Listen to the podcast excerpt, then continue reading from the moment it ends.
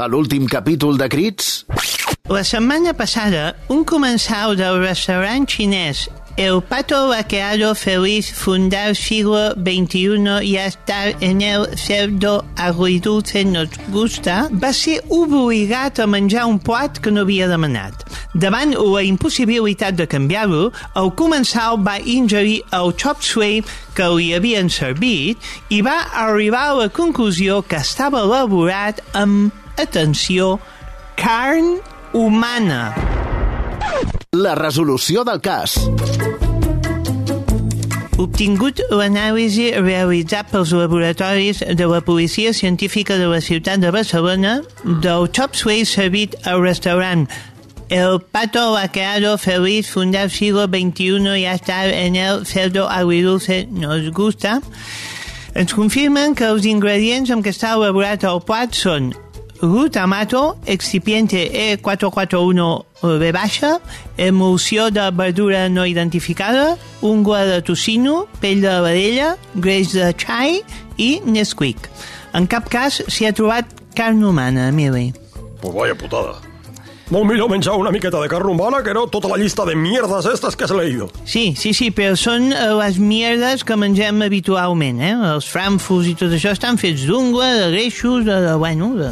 Pues el sabor era clavado al de la carn humana. És curiós, ajuntes quatre merdes de tocino i de vedella i el sabor resultant és el de la carn humana. Home, mira, ja, ja diuen que el tocino i l'home tenim el, el, el mateix eh, genoma, quasi. Sí, hay mucho cerdo suelto entre los humanos. Bueno, bueno, seria, seria com una mena de, de metàfora, tot això, eh? Ben vist, Laureano. RAC més i òptica i audiologia universitària per a joves d'un a 100 anys us ofereixen Crits.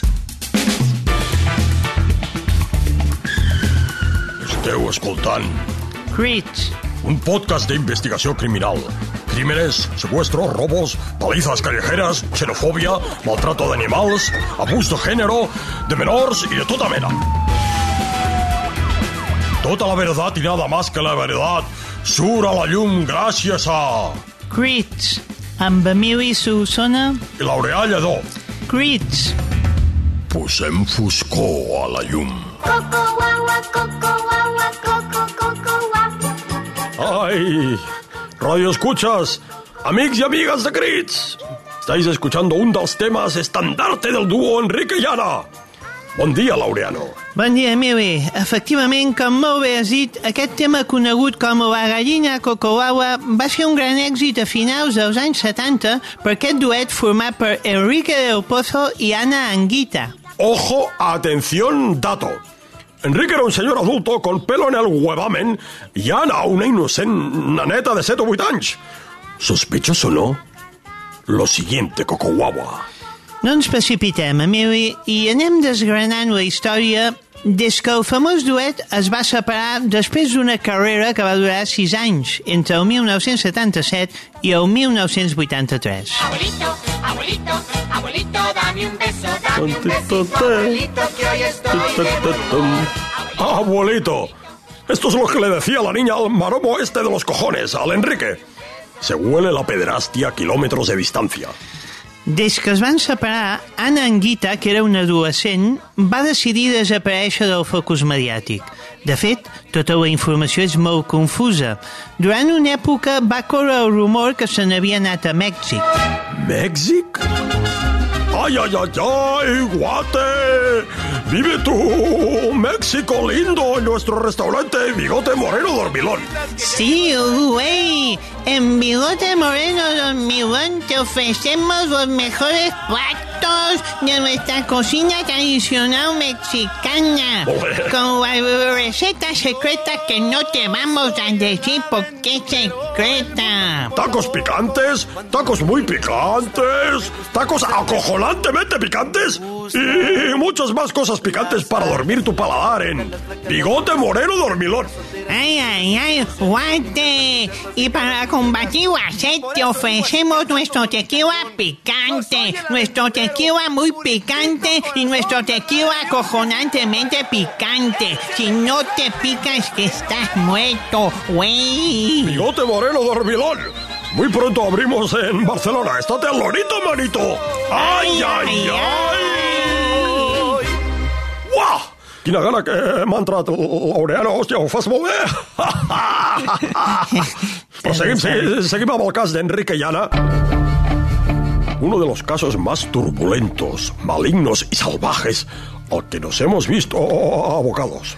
Dèiem que el rastre d'Anna ha estat pràcticament impossible de seguir des que la dupla de cantants es va separar. La hipòtesi més acceptada és que Anna Anguita, ja adulta, va estudiar enginyeria informàtica, es va casar i va tenir fills. Però tot envoltat de molt misteri i sense que ella aparegui per enlloc per confirmar-ho. I quan la gent no apareix, és que està morta. Ana Anguita es a, a horas de ara un cadáver abandonado en cualquier cuneta.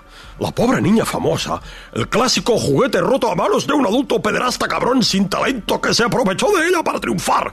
Y cuando vio que ya no la necesitaba, pa la tumba. Passem a sentir uns talls de veu extrets d'algunes entrevistes amb gent anònima que han afirmat conèixer el paradero de Ana Anguita. Este de niña Ana, ¿ok? Yo conozco cuando se separa de este señor mayor, con el que ella, ella como de artista, que este yo canta, ¿ok? Este eh, canta de canción, de canción artista, ¿ok? Sí o no.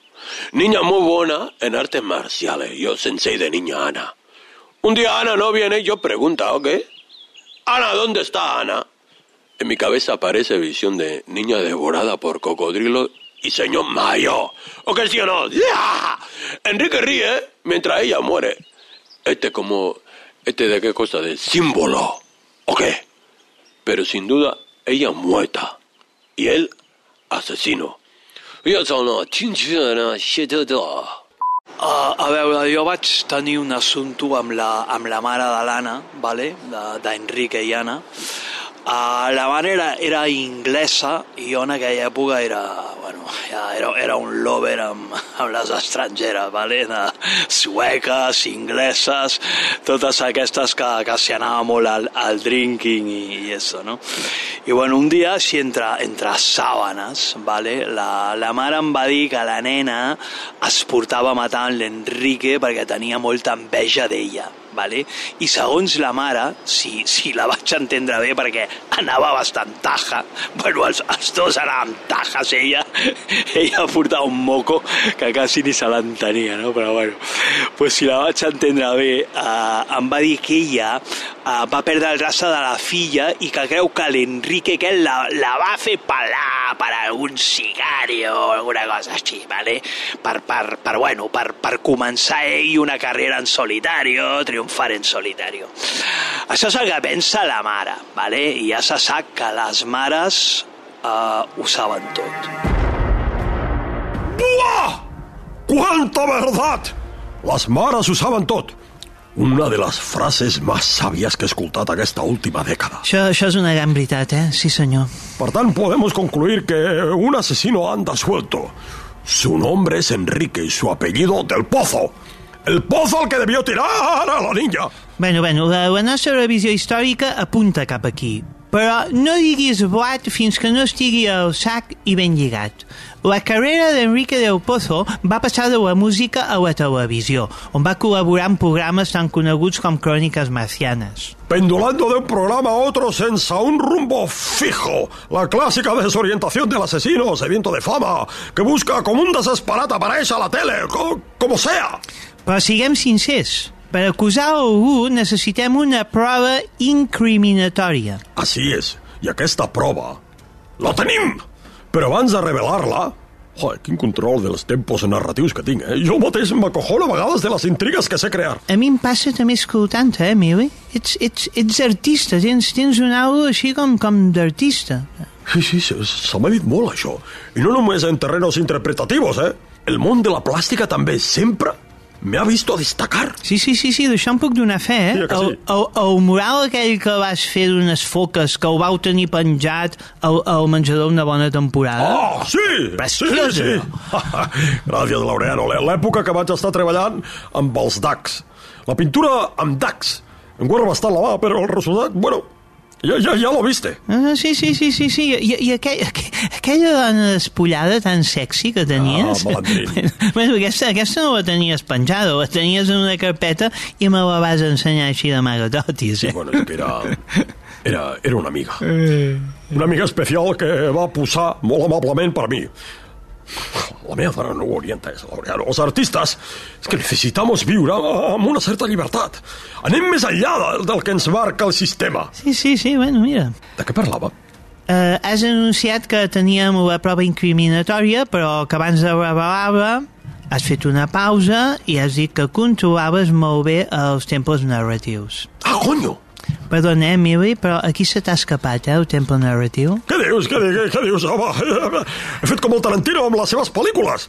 De com un personatge fa un parèntesis de 20 minuts per explicar una anècdota i després, patapam, recupera el fil. Això és el que faré jo ara. Atenció! Però abans de revelar la prova que incrimina a l'Enrique este de los huevos, una última, i no per última, menys interessant publicitat. Què t'ha semblat? Bueno, bueno, bueno, sí, ho has, ho has mig arreglat, però se t'havia escapat, eh, el tempo de la narració. Què sabràs tu de la narració i els tempos? Va, va, dentro, corte publicitat. Arriba el clàssic d'Àngel Guimarà Terra Baixa en versió actualitzada per la companyia Teatre de la Pubertat de Sants.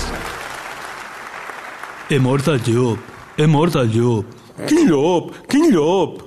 El llop, així rotllo gos, però més salvatge.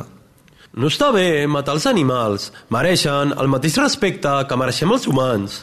És una mort simbòlica. En realitat, el llop és un home. Home, si és així encara és pitjor. Has matat un ésser humà. Que t'he dit que és simbòlic, loco. Això és teatre, que de ser tot com si fos simbòlic. No passa de veritat. Estàs tragant tota la màgia del teatre. Això sí que és un veritable assassinat. Doncs mira, amb això potser sí que estic d'acord amb tu. Vinga, vinga, compartim el que porto en aquest serró i recuperem així els tradicionals actes que fan del teatre mal entès un toston que no te l'acabes. Aquesta crítica implícita al teatre no ajuda. He dit el teatre mal entès i nosaltres l'entenem molt bé. Quina rialla més cutre, l'has fet tota amb lletres. Jo he utilitzat emoticones. Terra Baixa en versió actualitzada pel Teatre de la Pubertat de Sants. Ben aviat, a la sala d'actes al Centre Social, al Social de Sants. Eh, has conegut el meu nebot, el Valentí? Era el que feia de Manelic, el del llop. Ho fa, ho fa molt, molt bé, eh? Té, té fusta d'artista, eh? Bueno, com, com tu, com tu, el, el que dèiem abans, Emili. És un perla, aquest nano. Li veig moltes coses meves. Sí, sí, sí. Bueno, no, no tornis a perdre el tempo narratiu i digues la prova incriminatòria per poder acusar formalment a Enrique Del Pozo de la desaparició d'Anna Anguita, la nena del duet musical eh, Enrique i Anna. La prova definitiva, la setmana vinent. Com, com, com que la setmana vinent? Has dit, has dit després de la publicitat, Emili? La setmana vinent és després de la publicitat. Tècnicament no s'ha dit cap mentida. Màrqueting, Laureano, això és màrqueting. Tener pillao al oyente. Jo, mira, jo, jo, jo ja no sé... Bé, és igual, de, de, deixem, deixem-ho estar, Emili, deixem-ho estar. I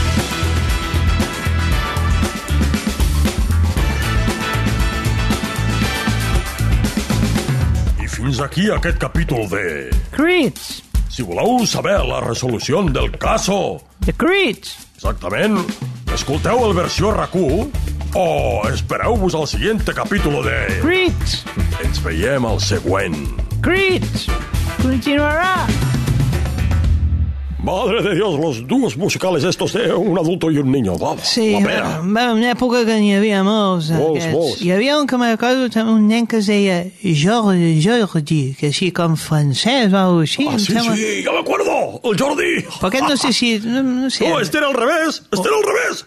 Era el Jordi este. Bueno, ese, ese chaval era, vamos, eh, va- menudo caso. Aquest tenia esclavitzat a l'adulto, era al revés. El adulto era el que sabía de música. El chavalín aquest era un, un niño de, de 8 años que lo tenía cogido por los huevos, vamos. Sí, però vols dir què? Va, Home, aquest era, xaval... Era aquest que jo. Era aquest, el Jordi, ja me'n recordo. ese chaval que era mig gitano, tal, y eh, que había sido de la familia del, del Django Reinhardt, que tocaba la guitarra allí en Marsella y no sé cuántos. Vols dir? Bé, no em sona, sí, sí, no digues, Al digues. final a este lo detuvieron y era el capo de, de una mafia de, de narcotraficantes que, que- que- abarcaba toda la costa francesa hasta, hasta Holanda. El, el nen, o sigui, el nen... El, ¡Hombre! hosti, tu, el que, Jordi! que Ja. espavilat, no? I, bueno, espav... doent, Chaval però vull dir espavilat. que, clar, per fer això des de... Español. Sí, las- es, una pena, ¿eh? Todos los chavales aquests tan inteligentes, pero como no han tenido posibilidades, se han quedado al final, han acabado en la cárcel y han acabado muriendo de, de- de- de- miseria y de tal. Ha habido grandes mentes en el mundo de la delincuencia. Sí, sí, es veu que hi ha que són molt intel·ligents, però encaminen malament la intel·ligència. Luego te has dado cuenta que eh, Sí, estudian carreras, en la, luego en la cárcel Sí. eh, fan abogacía, luego tal, claro, abogacía porque es lo que les toca de vez de propio, pero luego ya algunos hacen ingeniería y otros tal, y algunos acaban, bueno, acaban doctorándose, pero bueno, para no salir del trullo. Movida la gracia. RAC més i Òptica i Audiologia Universitària us han ofert Crits, un podcast que compta amb els actors Xavier Bertran i Cesc Casanovas com a protagonistes, Salva Coromina fent el disseny de so i la col·laboració especial de Esther Muñoz. Als 20, als 40, hi ha una edat per cada cosa. Una edat? Hi ha una edat per ser jove i una altra per deixar de ser-ho? Quan has de deixar de somiar? A Òptica i Audiologia Universitària sabem que tinguis l'edat que tinguis és perfecte per ser jove. Òptica i Audiologia Universitària. Per a joves d'un a 100 anys.